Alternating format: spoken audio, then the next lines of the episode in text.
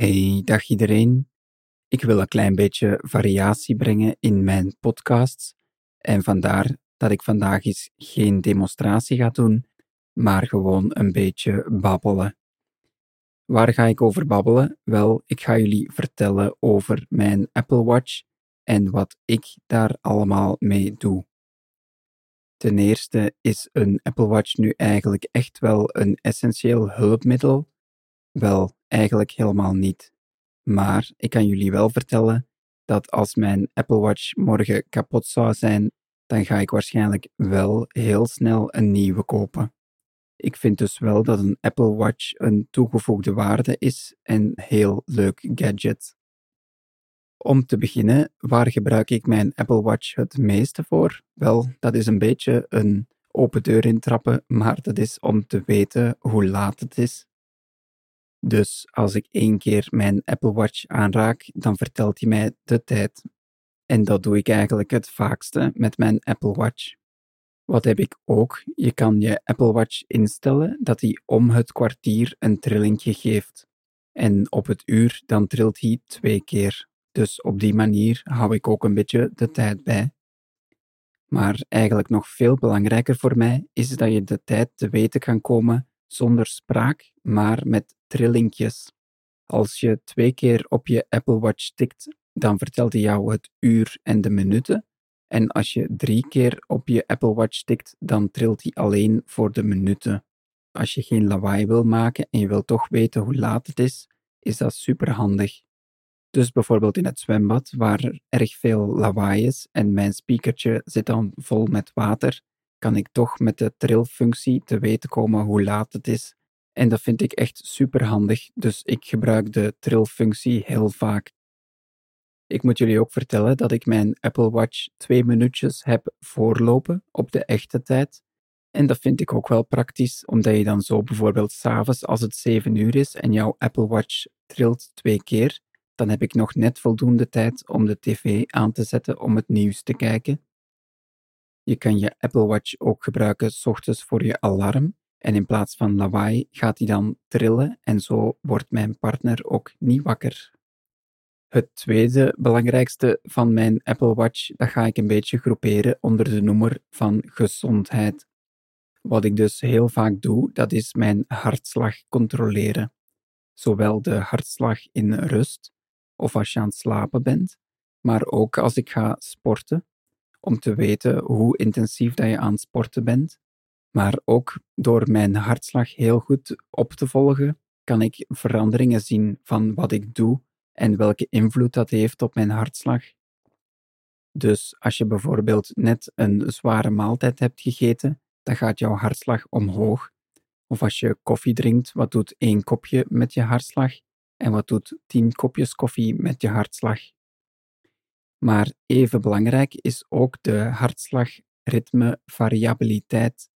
Om dat kort uit te leggen, is dat hoeveel jouw hartslag tussen twee slagen in versnelt of vertraagt en dat wordt uitgedrukt in milliseconden. En jouw hartslag versnelt als je inademt en die vertraagt als je uitademt. Hoe groter het verschil tussen die twee is in milliseconden, hoe beter dat jouw conditie gesteld is. En je kan dan ook kijken, bijvoorbeeld als je gestrest bent, of je drinkt te veel koffie, of je hebt slecht geslapen, dan zie je allemaal veranderingen in jouw hartritme, variabiliteit en ook jouw hartslag in rust. En dat boeit mij persoonlijk echt enorm, dus ik kijk daar heel veel naar. En wat doe ik nog elke dag? Dat zijn ademhalingsoefeningen. Dat is een standaardfunctie van je Apple Watch en je kiest dan hoeveel minuutjes je in en uit wil ademen. De Apple Watch die gaat dan trillen op het moment dat je moet inademen en niet trillen op het moment dat je moet uitademen. Met zo'n aantal minuutjes in- en uitademen wordt ook jouw hartritme variabiliteit bepaald. Dus als je met zo'n oefening klaar bent, dan kan je in de gezondheid-app gaan kijken wat jouw variabiliteit was. Wat ik ook nog onder de categorie van gezondheid heb, dat is mijn slaaptracking. Dus jouw Apple Watch die houdt bij hoe lang dat je slaapt, maar met een goed appje kan je ook zien hoe diep dat je slaap was en hoe lang die diepe slaap was. en op welk moment van de nacht. En dus door dat te combineren met de andere gegevens, zoals bijvoorbeeld heb je die dag gesport of heb je die dag toevallig twee grote borden spaghetti gegeten een uurtje voordat je ging slapen, dan krijg je een beetje een beeld van wat slaap doet met je hartslag en wat sport doet met je slaap. En al die verbanden samen, die geven mij toch een goed beeld van mijn gezondheid.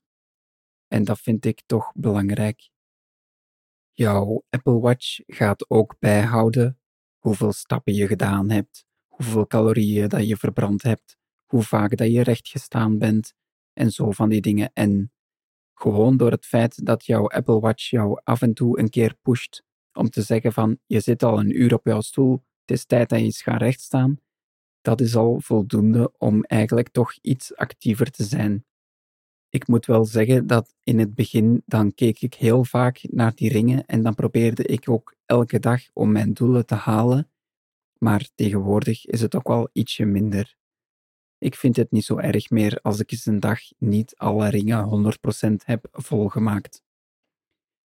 Maar voor mensen die motivatie kunnen gebruiken, is het wel heel, heel goed.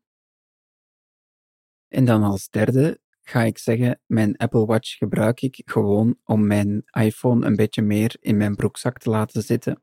Het voordeel is natuurlijk dat jouw Apple Watch die hangt gewoon rond je pols, dus je houdt je handen vrij en die kan ook niet op de grond vallen.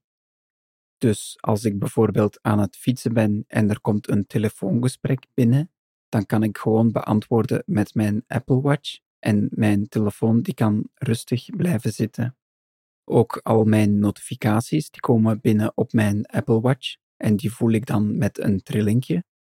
Die worden dus stil afgeleverd en je gaat er waarschijnlijk minder missen dan met jouw iPhone in je broekzak.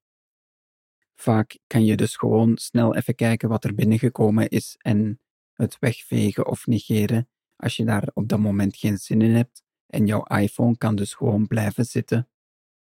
Maar dus ook natuurlijk om die hele kleine dingen, dus bijvoorbeeld eventjes kijken welke de temperatuur is of hoe laat het is, of een berichtje sturen met Siri, dat kan gewoon allemaal via jouw Apple Watch.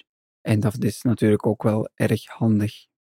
Als vierde item ga ik zeggen waarvoor gebruik ik mijn Apple Watch nog. Dat is bijvoorbeeld om mijn iPhone te ontgrendelen als ik een mondmasker op heb. Of bijvoorbeeld mijn MacBook, die wordt automatisch ontgrendeld als mijn Apple Watch ontgrendeld is en in de buurt. Natuurlijk kan je dat ook doen door je vingerafdruk, maar toch is het ook leuk als het automatisch gebeurt met je watch. Wat mis ik dan nog wel aan mijn Apple Watch? Wel, ik had heel graag een Apple Watch gekocht met een SIM-kaart, maar een jaar geleden waren die er nog niet in België, dus dat wordt iets voor een volgende versie. En ik zit ook een beetje te wachten op Apple Pay, want het lijkt mij super handig om gewoon met je horloge overal te betalen. Nu betaal ik vaak nog contactloos met mijn bankkaart, maar dat betekent dus dat ik mijn bankkaart altijd in mijn broekzak heb zitten en dat vind ik dan toch ook een beetje vervelend. Dat zijn zo'n beetje de dingen waar ik mijn Apple Watch het meeste voor gebruik. Maar hebben jullie nu zelf ook nog suggesties of tips voor mij? Laat het maar weten, ik hoor het graag. Hopelijk hebben jullie een beetje een idee gekregen wat je allemaal met je Apple Watch kan doen. Bedankt voor het luisteren en tot de volgende keer.